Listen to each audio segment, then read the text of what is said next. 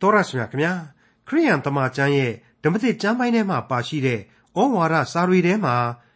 တာဝရရှင်မြတ်စွာဘုရားသခင်ရဲ့ဝိညာဉ်တော်မှုတ်သွင်းတော်မူခြင်းအပြင်တမန်တော်ကြီးရှင်ပေါလုရေးသားခဲ့တဲ့ဩဝါဒစာတွေပါဝင်ပါတယ်ရှင်ပေါလုဟာယေရှုခရစ်တော်ကိုမိမိရဲ့ကယ်တင်ပိုင်ရှင်သခင်ဘုရားအဖြစ်ယုံကြည်ကိုးကွယ်ယုံမျှမကယေရှုခရစ်တော်ရဲ့ကယ်တင်ခြင်းသတင်းကောင်းတဲ့ဩဝါဒတွေကိုအရရလိုက်လံဟောကြားခဲ့သူဖြစ်ပါတယ်။ အဲဒါကြောင့်လဲအကျဉ်းချခံခဲ့ရရှာပါတယ်။ယုံကြည်ခြင်းကြောင့်အတိဒုက္ခခံစားရရှာသူအကျဉ်းသားပေါ့။တချို့သူတေသီတွေကရှင်ပေါလုရေးသားခဲ့တဲ့စကားတွေကို အကုန်မယူကြနဲ့လို့ပြောဆိုသွန်သင်ကြပါတယ်။အဲ့ဒီတချို့သူတေသီတွေရဲ့ဒီစကားဟာမှန်ကန်တဲ့စကားမှန်ကန်တဲ့သွန်သင်ချက်ဖြစ်ပါသလား။ဒီအချက်မှန်မှန်မှန်ကိုစမ်းစစ်ကြရမယ်ခရိယန်တမန်ကျမ်းဓမ္မသစ်ကျမ်းပိုင်းတွေကအေဖက်ဩဝါဒစာ အခန်းကြီး၄အခန်းငယ်၄ကနေအခန်းငယ်၆အထိကိုဒီကနေ့တင်ပြရသောတမန်ကျမ်းအစီအစဉ်မှာလေ့လာမှာဖြစ်ပါတယ်။ဒီကနေ့ခရိယန်လောကမှာလူဖြစ်တဲ့ခေါင်းဆောင်ကြီးတွေကြောင့်ခရိယန်ဂိုင်းကနတွေအမျိုးမျိုးကွဲပြားနေကြပါတယ်။ဒါနဲ့ပတ်သက်လို့ဘယ်အရာကအဓိကလဲဆိုတာကို တွေ့ရမှာဖြစ်တဲ့အေဖက်ဩဝါဒစာအခန်းကြီး၄အခန်းငယ်၄ကနေအခန်းငယ်6အထိကိုဒေါက်တာထွန်းမြတ်အေးက အခုလိုလေ့လာတင်ပြมาဖြစ်ပါတယ်။အရာရာ၌စိတ်နှိမ်ချခြင်းရှိကြပါ။နူးညံ့သိမ်မွေ့ခြင်းရှိကြပါ။စိတ်ရှည်ခြင်းရှိကြပါဆိုတဲ့အချက်တွေးကိုတမန်တော်ကြီးရှင်ပေါလုကနေပြီးတော့အေဖက်ဩဝါဒစာအဖြစ်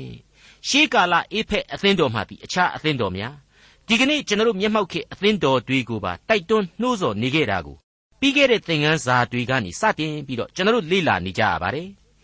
အသင်းတော်ဆိုတဲ့နည်းနည်းသောဘုရားသခင်အကြံစီတော်အားဖြင့်ဖြစ်ပေါ်လာသောအဖွဲ့အစည်းကယ်တင်ရှင်သခင်ခရစ်တော်ဒီဟုသောဥကောင်း၌တွေ့ဆက်လျက်နေရသောခန္ဓာတော်သို့မဟုတ်လူသေးတန်ရှင်းသောဝိညာဉ်တော်ဤတစိ့ခတ်နှိပ်ခြင်းခံရသောအဖွဲ့အစည်းကြီးနဲ့ပတ်သက်ပြီးတော့ဆောင်းရန်လမ်းညွှန်ချက်တွေကိုကျွန်တော်တို့ဟာအေဖက်ဩဝါဒစာအခန်းကြီး၄ကနေစပြီးတော့နားဆင်လျက်ရှိနေကြရပါတယ်အေဖက်ဩဝါဒစာအခန်းကြီး၄အငယ်1နဲ့3မှာ ကျွန်တော်တို့တွေ့ခဲ့ရတာကတော့အရာရာ၌စိတ်နှိမ်ချခြင်းနူးညံ့သိမ်မွေ့ခြင်းစိတ်ရှည်ခြင်းနှင့်ပြည့်စုံသဖြင့်မေတ္တာစိတ်နှင့်တယောက်ကိုတယောက်သီးခံခြင်းရှိကြ၍အသင့်အတင့်ပေါင်းဖော်ခြင်းအဖွဲ့အစည်းအားဖြင့်သင်တို့သည်အချင်းချင်းစိတ်တော်မချမနာတလုံးတဝသည်ဖြစ်အံ့သောငါကြိုးစားအားထုတ်ကြလော့တဲ့အဲ့ဒီလိုတွေ့ကြရပြီဖြစ်ပါတယ်နှိမ်ချခြင်းဆိုတာနဲ့ပတ်သက်ပြီးတော့လေနည်းနည်းတော့ကျွန်တော်အစပြိုးပြီးတော့ရှင်းပြခဲ့ပါသေးတယ် ယုံကြည်ခြင်းအားကြီးတိုင်းမာနဆိုတာမရှိဘူးလို့တော့မထင်ကြနဲ့ယုံကြည်ခြင်းတရား၌ပင်လျင်လူသားဟာမာမာနဆိုတာကိုမွေးတတ်ကြတယ်အဲ့ဒီလိုမာမာနမွေးခဲ့လို့လေအဲ့ဒီမာနသမားကြီးတယောက်ဖြစ်တဲ့ယောဘဆိုတဲ့ရှေးခေတ်ပုဂ္ဂိုလ်ကြီးကိုမာနတွေကနေခွာကျသွားအောင်လို့ဘုရားသခင်ဘယ်လိုဘယ်လိုလုပ်ခဲ့တယ်ဆိုတာကိုလေယောဘဝတ္ထုမှာကျွန်တော်ဖော်ပြခဲ့ပြီးဖြစ်တဲ့အကြောင်းကိုကျွန်တော်ပြန်ပြီးတော့ဖော်ပြပေးခဲ့ပါတယ်မိတ်ဆွေအပေါင်းတို့ ကျွန်တော်ခေတ်သစ်အသင်းတော်အဖွဲ့အစည်းတွေမှာလေမာနတကွန်တွေသိပ်ပြီးတော့လွှင့်မနေကြပါနဲ့နှိမ်ချခြင်းစိတ်များမွေးမြူကြပါဆိုတာကိုကျွန်တော်ဖော်ပြပေးခဲ့ပါတယ်သင်သိရသောတမန်ကျမ်းကိုမူရင်းရေးသားပြုစုခဲ့တဲ့ဆရာကြီးဒေါက်တာဂျေဗန်နန်မက်ဂီကလည်းဒီအတိုင်းပါပဲမျက်မှောက်ခေတ်ဓမ္မပညာရေးတက္ကသိုလ်တွေမှာတောင်မှပါရဂူကြီးတွေပညာရှင်ကြီးတွေကိုသာမွေးထုတ်ပေးကြပါအမှုတော်ဆောင်ပညာတတ်ကြီးတွေကိုမွေးထုတ်ပေးကြပါ တို့ပေမဲ့မန်ရစ်နေသူအတက်ကျူးပြီးတော့ဘလူးဖြစ်ခြင်းသူတွေကိုမွေးထုတ်ပေးတာမျိုးတော့မဖြစ်ပါစေနဲ့ဆိုပြီးတော့တိုက်တွန်းနှိုးဆော်ခဲ့တာကိုဒီနေရာမှာကျွန်တော်အလင်းသင်းလို့ထည့်သွင်းဖော်ပြလိုပါတယ်အဲ့ဒီလိုနှိမ့်ချခြင်းအကြောင်းကိုပြောတဲ့အခါကျတော့ကျွန်တော်အဖို့လေကျွန်တော်ရဲ့ဖခင်ကြီးကသူအသက်ရှင်စဉ်တုန်းကသွန်သင်ပေးခဲ့တဲ့အချက်တစ်ချက်ကိုအောက်မေ့မိပါတယ်။သားရည်တဲ့စိတ်နှိမ်ချတယ်ဆိုတာဟာနှိမ်ကြတာနဲ့မတူဘူး။ အလွန်မြင့်မြတ်တဲ့အကျင့်တစ်ခုဖြစ်တယ်ဆိုပြီးတော့ဖော်ပြခဲ့ပါတယ်။ဟုတ်ပါတယ်။နှိမ်ချခြင်းနဲ့နှိမ်ကြခြင်းဆိုတာဟာအရှင်းမတူညီပါဘူး။တခါတလေမှာကျွန်တော်တို့လူသားတွေဟာစိတ်နှိမ်ချတယ်လို့ကိုယ့်ကိုယ်ကိုခံယူပြီးတဲ့နောက်နှိမ်ကြတဲ့လူတွေနဲ့ပေါင်းတတ်တယ်နှိမ့်ကြတဲ့အဝန်းအဝိုင်းတဲမှာပဲပျော်ခြင်းတတ်ကြတယ်နှိမ့်ကြတဲ့အကျင့်အကြံတွေကိုကြင့်ကြံပြုမှုတတ်ကြပါတယ်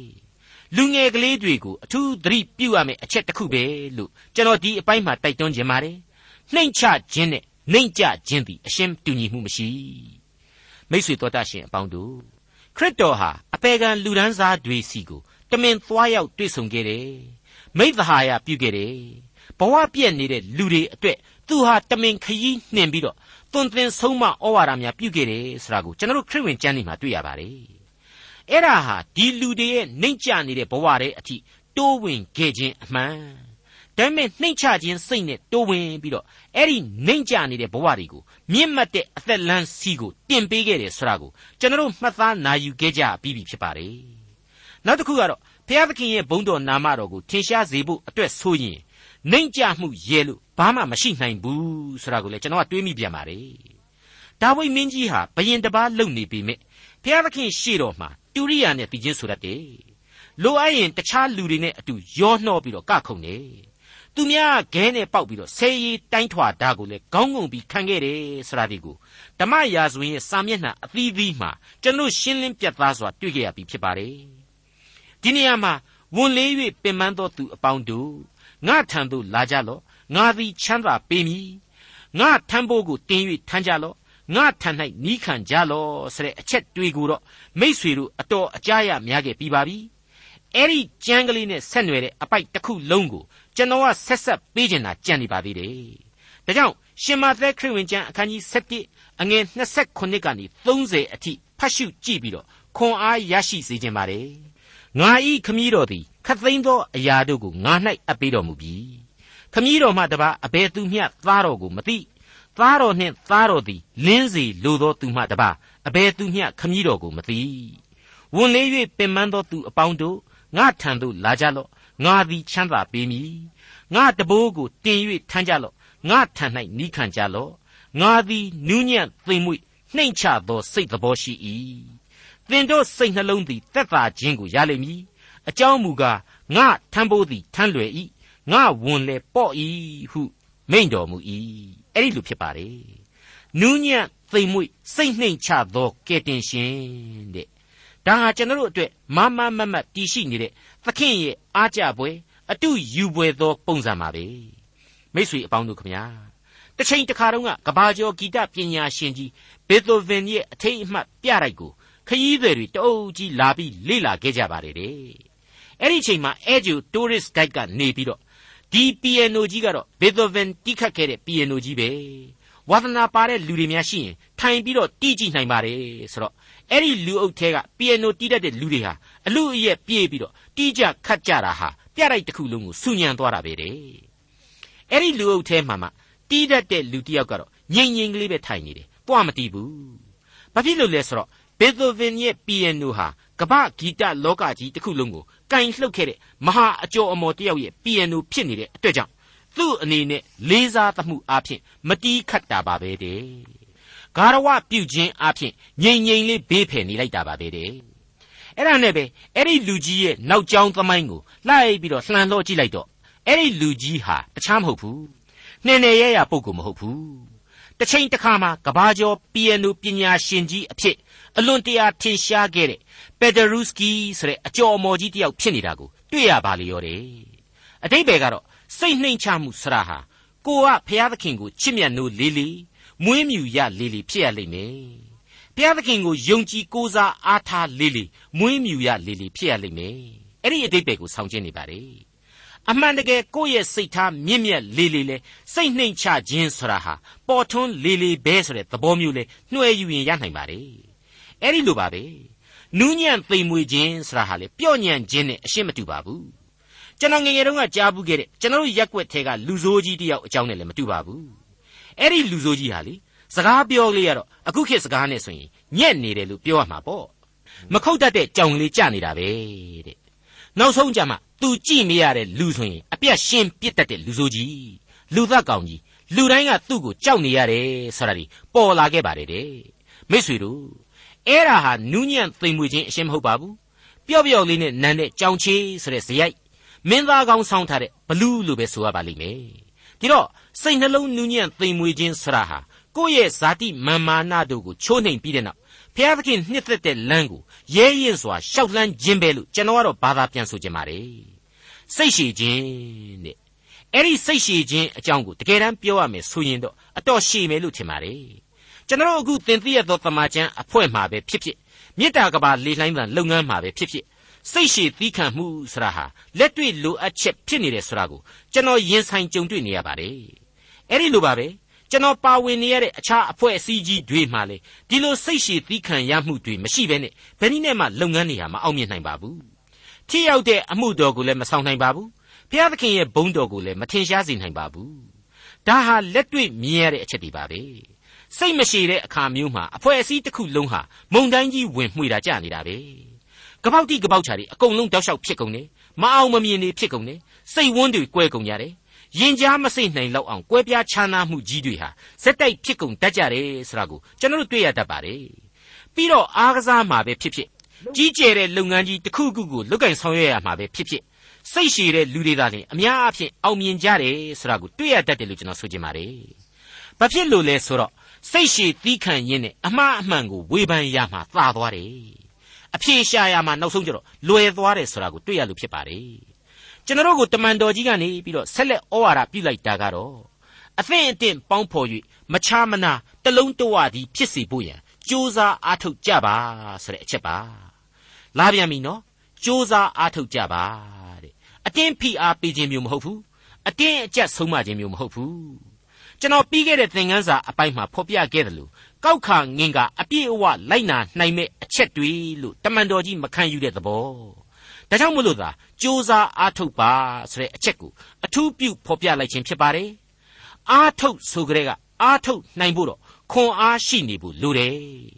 ဒီလိုထုတ်နိုင်ဖို့အင်အားကိုဘယ်ကရသလဲ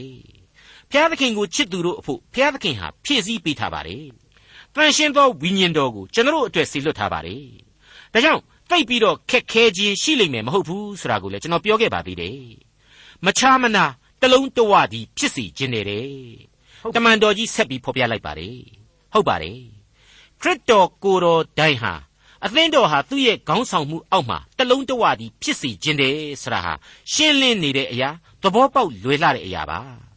ကျွန်တော်ရဲ့ YMCA အဖွဲ့အစည်းများရဲ့ဆောင်ပုဒ်ဟာတလုံးတဝတည်းဖြစ်ရန် that they all may be one ဆိုပြီးတော့ဖော်ပြထားပါတယ်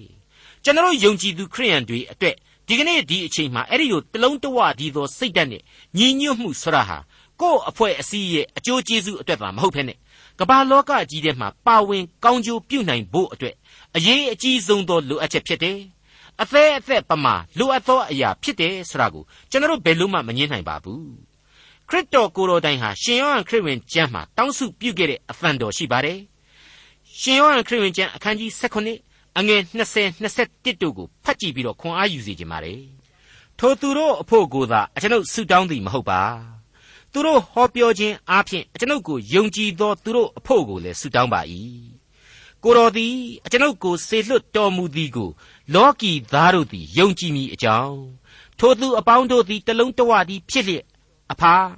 ကိုတော်သည်အကျွန်ုပ်၌ရှိတော်မူ၍အကျွန်ုပ်သည်လည်းကိုတော်၌ရှိသကဲ့သို့ထိုသူအပေါင်းတို့သည်ငါတို့၌တလုံးတဝသည်ဖြစ်စေခြင်းဟာဆုတောင်းပါ၏တဲ့ဘလောက်ကောင်းလဲ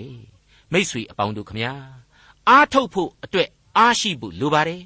အဲ့ဒီအင်အားဟာဘုရားသခင်ပေးသနာသောအရာဖြစ်တယ်ဆိုတာကိုကျွန်တော်နားလည်ခဲ့ကြပြီးပါပြီဒီခွန်အားနဲ့ပြေဝဖို့ဆိုရင်တော့ဇာတိပဂရိအပြစ်လူသားဟာဝိညာဉ်တော်ကိုအားကိုးခိုလှုံကြရလိမ့်မယ်ကယ်တင်ရှင်သခင်ခရစ်တော်ကိုလက်တွဲမဖြုတ်စရန်အစဉ်သဖြင့်သခင်နှင့်တည်ရှိရလိမ့်မယ်ဝိညာဉ်ပဂရိအကျိုးကျေးဇူးများကိုခံယူအားထုတ်ကြရလိမ့်မယ်ဂလာတိဩဝါဒစာအခန်းကြီး9 အငယ်16ကနေ26ကိုပြန်ဖတ်ကြည့်မယ်ဆိုရင်အခုလိုသင်ခန်းစာယူပွဲအချက်များနဲ့ပြည့်နေနေတာကိုမိษွေတို့ပြန်လည်သတိရနိုင်ပါလိမ့်မယ်။ငါပြည့်ညက်သည်ကဝိညာဉ်ပဂရိအတိုင်းကျင့်ကြလော့ထို့သောကျင့်လျင်ဇာတိပဂရိ၏အလိုသို့မလိုက်ဖဲနေကြလိမ့်မည်။အကြောင်းမူကားဇာတိပဂရိနှင့်ဝိညာဉ်ပဂရိသည်တပားနှင့်တပားဆန့်ကျင်သောအလိုရှိကြ၏။တပားနှင့်တပားဆန့်ကျင်ပဲ့ဖြစ်၍သင်တို့သည်ကျင့်ကျင်သောအကျင့်ကိုမကျင့်နိုင်ကြ။ သို့တော်လည်းဝိညာဉ်ပဂရိအလိုတို့လိုက်ရင်ပြည့်ညက်တရားနှင့်လွတ်ကြ၏ဇာတိပဂရိအကျင့်တို့သည်ထင်ရှားကြ၏ထိုအကျင့်တို့မူကားသူ့မယားကိုပြစ်မှားခြင်းမတရားသောမေထုံ၌မှီဝဲခြင်းညစ်ညူးစွာကျင့်ခြင်းကိလေသာလွန်ကျူးခြင်းရုပ်တုကိုကိုးကွယ်ခြင်းသူတစ်ပါးကိုပြုစားခြင်းရန်ညှိုးဖွဲ့ခြင်းရန်တွေ့ခြင်းဂုံပြိုင်ခြင်းအမျက်ထွက်ခြင်းညင်းခုန်ခြင်းအချင်းချင်းကွဲပြားခြင်းသင်ခွဲခြင်းသူ့အကျိုးကိုညူစုခြင်း လူအသက်ကိုတတ်ခြင်းရစ်မျိုးကိုတောက်ကျူးခြင်းပွဲလုတ်ခြင်းမှစ၍ထိုသို့သောအကျင့်ပေသည်ထိုသို့သောအကျင့်ကိုကျင့်သောသူတို့သည်ဖျားသခင်၏နိုင်ငံတော်ကိုအမွေမခံရကြဟုအထက်ကငါပြောနှင့်ခဲ့ပြီးသည့်အတိုင်းယခုပင်လဲငါပြောနှင့်၏ဝိညာဉ်ပဂရိအကျိုးမူကားချစ်ခြင်းဝမ်းမြောက်ခြင်းငြိမ်သက်ခြင်းစိတ်ရှိခြင်းကျေးဇူးပြုခြင်းကောင်းမြတ်ခြင်းသစ္စာဆောင်ခြင်းနူးညံ့သိမ်မွေ့ခြင်း ကာမဂုဏ်ချုပ်တီးခြင်းပေတည်းထိုသို့သောအကျင့်ကိုအဘယ်တရားမျှမမြစ်တာခရစ်တော်နှင့်ဆက်ဆိုင်သောသူတို့သည်ဇာတိပဂရိကို၎င်းဇာတိပဂရိစိတ်များနှင့်အလိုဆန္ဒများကို၎င်းလက်ဝါးကတ်တိုင်မှရိုက်ထားကြပြီတို့ဖြစ်၍ငါတို့သည်ဝိညာဉ်ပဂရိကြောင့်အသက်ရှင်လျင်ဝိညာဉ်ပဂရိအတိုင်းကျင့်ကြကုန်အံ့အချီးနှီးသောကြော်စောကိတ္တိကိုတတ်မဲ့ခြင်းအချင်းချင်းချုပ်ချယ်နှောက်ယှက်ခြင်း အချင်းချင်းညူစုခြင်းတို့ကိုရှောင်၍နေကြကုန်အံ့အဲ့ဒီလိုတွေ့ခဲ့ကြပြီဖြစ်ပါတယ်အဲ့ဒီလိုဂလာတိအသင်းတော်အတွက်ဆုံးမဩဝါဒပြုခဲ့တဲ့တမန်တော်ကြီးရှင်ပေါလုဟာဖိလိပ္ပိဩဝါဒစာမှာလေအလွန်တရာကောင်းမွန်တဲ့ဩဝါဒစကားတွေကိုဖော်ပြထားခဲ့ပါသေးတယ်ကျွန်တော်ယုံကြည်သူအသင်းတော်တွေအဖို့ဒီအဆုံးအမဒိုင်းတို့ဟာလက်တွေ့လမ်းညွှန်များပဲဖြစ်တယ်လို့လေးနဲ့စွာမှတ်သားစီခြင်းပါတယ်ဖိလိပ္ပိဩဝါဒစာအခန်းကြီး2အငယ်1မှ5ကိုကြည့်ကြပါ ထို့ကြောင့်ခရစ်တော်၌သက်သာခြင်းမေတ္တာနှင့်ဆက်ဆိုင်သောချမ်းသာခြင်းဝိညာဉ်တော်နှင့်မိတ္တဟာယဖွဲ့ခြင်းတနာစုံမဲ့ခြင်းဒီဟုသောအရာတစ်စုံတစ်ခုရှိလျင်သင်တို့သည်အချင်းချင်းချစ်ကြ၍စိတ်မကွဲဘဲတလုံးတဝတည်းကြံစီခြင်းနှင့်တကွာသဘောတညီတညွတ်ထီရှိသောအဖြစ်ငါဝမ်းမြောက်เสียအကြောင်းကိုစုံလင်စေကြလော့ရန်တွေ့လိုသောစိတ်အချီးနှီးကြော်စောကိတ္တိကိုတတ်မဲ့သောစိတ်ရှိ၍အဘယ်အမှုကိုမျှမပြုကြနှင့် သူတစ်ပါးသည်ကိုယ့်တဲ့သာ၍ကောင်းမြတ်သည်ဟုနှိမ့်ချသောစိတ်ရှိ၍တယောက်ကိုတယောက်ထင်မှတ်ကြလော့ကိုအမှုအရာကိုသာမရှုမမှတ်ဖဲသူ့အမှုအရာကိုအချင်းချင်းရှုမှတ်ကြလော့ယေရှုခရစ်၌ရှိသောထိုစိတ်သဘောကိုသင်တို့၌လည်းရှိစေကြလော့အလွန်တရာကောင်းမွန်တဲ့အဆုံးအမပဲဖြစ်ပါတယ်မိတ်ဆွေတို့အဲ့ဒီလိုဖော်ပြထားတဲ့နေရာမှာခရစ်တော်၌ရှိသောစိတ်သဘောကိုရှိစေကြလော့ဆိုတော့ဒါဟာဘုရားသခင်အဆင့်အထိတက်ပြီးတော့ကျူးကျော်တဲ့သဘော တုပြိုင်တဲ့သဘောအားဆန်းတဲ့သဘောဆိုပြီးတော့တချို့ကမကြိုက်ကြဘူးသူတေသီတချို့ကိုကျွန်တော်ပြောတာပါတချို့ဆိုရင်လေရှင်ပေါလုပြောတဲ့အတိုင်းအကုန်အတိမယူကြနဲ့တဲ့ဒီလူဟာလူတွေကလူပဲတဲ့အရန်တွေလျှောက်ရေးတာတဲ့အဲ့ဒီအထိဝေဖန်တဲ့လူတွေတောင်ရှိပါတယ်ဖျားသခင်ရဲ့အသက်လန်းစာပေဖြစ်တဲ့နှုတ်ကပတ်တော်ကိုသူတေသနာပြုသူဟာတန်ရှင်းသောဝိညာဉ်တော်ရဲ့လမ်းပြပို့ဆောင်ခြင်းနဲ့အညီသာသူတေသနာပြုရမှာအခုတော့ ဘုရားသခင်ရဲ့တန်ရှင်းသောဝိညာဉ်တော်ကိုအာမကိုကိုယ်အုံနောက်ကိုကိုသွားပြီးတော့အားကိုးတဲ့အခါကျတော့အကုန်လုံးဇောက်ထိုးမိုးမျှော်အတွေ့အခေါ်တွေဖြစ်လာတယ်ဘလောက်ရည်ဖို့ကောင်းတယ်လေအဲ့ဒီလိုကြီးတာဆိုရင်ကြမ်းတဲ့ကစာလုံးတွေမှန်သမျှလူတွေကမရေးလို့ဘသူတွေကရေးရမှာလေကောင်းကင်ကလှလိုက်တဲ့လူတွေကလာရေးတာတယ်လားမဟုတ်ပါဘူးဘုရားသခင်အသုံးပြုသောအားဖြင့်လူသားတွေကပဲရေးသွားတာမဟုတ်ဘူးလား ဒီစာပေတွေရဲ့နောက်မှာတန်ရှင်းသောဝိညာဉ်တော်ဟာအသက်ကိုထည့်သွင်းပေးထားတယ်အခုတမန်တော်ကြီးရှင်ပေါလုရေးနေတာတွေဟာဝိညာဉ်တော်အလင်းရဲ့လမ်းပြခြင်းအတိုင်းရေးနေတာမဟုတ်လို့ကျွန်တော်အတီးယူကြရမှာကြီးပါပဲယေရှုခရစ်၌ရှိသောစိတ်တော်ကိုရှိစေဖို့ဆိုပြီးတော့စောစောကဖော်ပြခဲ့တဲ့အတိုင်းကျွန်တော်ဟာစ조사အားထုတ်ကြရမယ်အဲဒီလိုအားထုတ်ဖို့ရန်အတွက်လေဘုရားသခင်ကနေပြီးတော့ခွန်အားကိုပေးလိမ့်မယ်သူဖြစ်စေခြင်းတဲ့ဆန္ဒကိုသူဖော်ပြထားပြီးပြီမဟုတ်ဘူးလား ဒီလိုဖြစ်နိုင်ဖို့အတွက်လူသားဟာယုံကြည်ခြင်းနဲ့ဆုတောင်းရလိမ့်မယ်ခံစားရယူနိုင်လောက်အောင်ထိုက်တန်တဲ့ဝိညာဏစိတ်ဓာတ်မျိုးကိုမွေးမြူပြီးတော့ဘုရားသခင်ထံမှာဆုတောင်းခွန်အားယူကြရမှာဖြစ်ပါတယ်အေဖဲဩဝါဒစာအခန်းကြီး၄အငယ်၄မှ6သင်တို့ကိုခေါ်တော်မူခြင်းနှင့်ဆက်ဆိုင်သောမျှော်လင့်ခြင်းတပါးတည်းသို့ခေါ်သွင်းတော်မူသည်နှင့်အညီကိုတကိုဝိညာဉ်တဝိညာဉ်တည်းရှိ၏သခင်တပါးယုံကြည်ခြင်းတပါးဗ တ္တိဇံတပါးခတ်သိမ်းသောငါတို့၏အဖဖြစ်သောဖျားသခင်တဆူဒီရှိတော်မူ၏ထိုဖျားသခင်သည်ခတ်သိမ်းသောငါတို့၏အပေါ်မှာရှိတော်မူ၏ခတ်သိမ်းသောငါတို့ကိုနှံ့ပြတော်မူ၏ခတ်သိမ်းသောငါတို့၏အထဲ၌လည်းရှိတော်မူ၏တဲ့အချက်အနေနဲ့ကိုတကူတဲ့အဲ့ဒါဟာခရစ်တော်၌တလုံးတဝတည်းတည်ရှိခြင်းရဲ့အတိတ်ပဲဖြစ်ပါတယ်ဝိညာဏကိုဖြစ်တဲ့အတိတ်ပဲ လူသားရဲ့မျက်စိနဲ့မြင်ရတဲ့အသင်းတော်မဟုတ်သောဝိညာဏအသင်းတော်ပါပဲပင်တေကုတ်တေပွဲနေမှသည်ကကာလ၌သိမ့်စီခြင်းအထိတည်ရှိနေရမယ်လောကမြေကဘာပေါ်မှအသင်းတော်ပါပဲနှစ်ဝဝိညာဉ်လည်းတဝိညာဉ်တည်းပဲတဲ့ဟုတ်တယ်တန်ရှင်းသောဝိညာဉ်တော်ကိုဆိုလိုပါတယ်အဲ့ဒီတန်ရှင်းသောဝိညာဉ်တော်၌အသက်မွေးဖွားခြင်းခံယူနိုင်မှသာလျှင်ယုံကြည်သူဟာစစ်မှန်တဲ့ခရစ်တော်ရဲ့ လူသစ်ဖြစ်လာနိုင်ပါလိမ့်မယ်ခရစ်တော်၌တလုံးတဝတီတည်ရှိနေတယ်လို့ဆိုနိုင်ပါလိမ့်မယ်၃အဲ့ဒီလိုကိုတကိုဝိညာဉ်တစ်ခုတည်းတည်ရှိနေနိုင်တာဟာခေါ်တော်မူခြင်းနှင့်ဆက်ဆိုင်သောမျော်လင့်ခြင်းတပါးတည်းတည်ရှိသောအတွက်ပဲတဲ့တနည်းအားဖြင့်ကတော့မျော်လင့်ခြင်းတပါးတည်းပေါ့အဲ့ဒီမျော်လင့်ခြင်းဆရာဟာယုံကြည်သူတိုင်းတို့အတွက်မျော်လင့်ချက်ပန်းတုံးတိုင်းလို့လည်းဆိုနိုင်ပါလိမ့်မယ် တိတုဩဝါဒစာအခန်းကြီး2အငယ်73မှာအခုလိုဖွင့်ဆိုထားတာကိုကျွန်တော်တို့တွေ့နိုင်ပါတယ်မိษွေတို့နားဆင်ကြည့်ကြပါငါတို့ကိုကယ်တင်တော်မူသောအရှင်သခင်ယေရှုခရစ်၏ဘုန်းအသရေတော်ပေါ်ထွန်းခြင်းကို၎င်းငါတို့သည်မျော်လင့်လျက်ဖယမဲ့တယမဲ့နေခြင်းလောကီတက်မဲ့ခြင်းကိုပယ်ရှားလျက်ယခုဘဝ၌အိန္ဒြေဆောင်ခြင်းတရားသဖြင့်ကျင့်ခြင်းဖျားဝတ်၌မွေးလျော်ခြင်းတို့ကိုပြုနေရမည်အကြောင်း ငါတို့ကိုဆုံးမသွန်သင်၍လူအပေါင်းတို့ကိုကယ်တင်တတ်သောဘုရားသခင်၏ကျေးဇူးတော်သည်ထင်ရှားပေါ်ထွန်းလျက်ရှိ၏တဲ့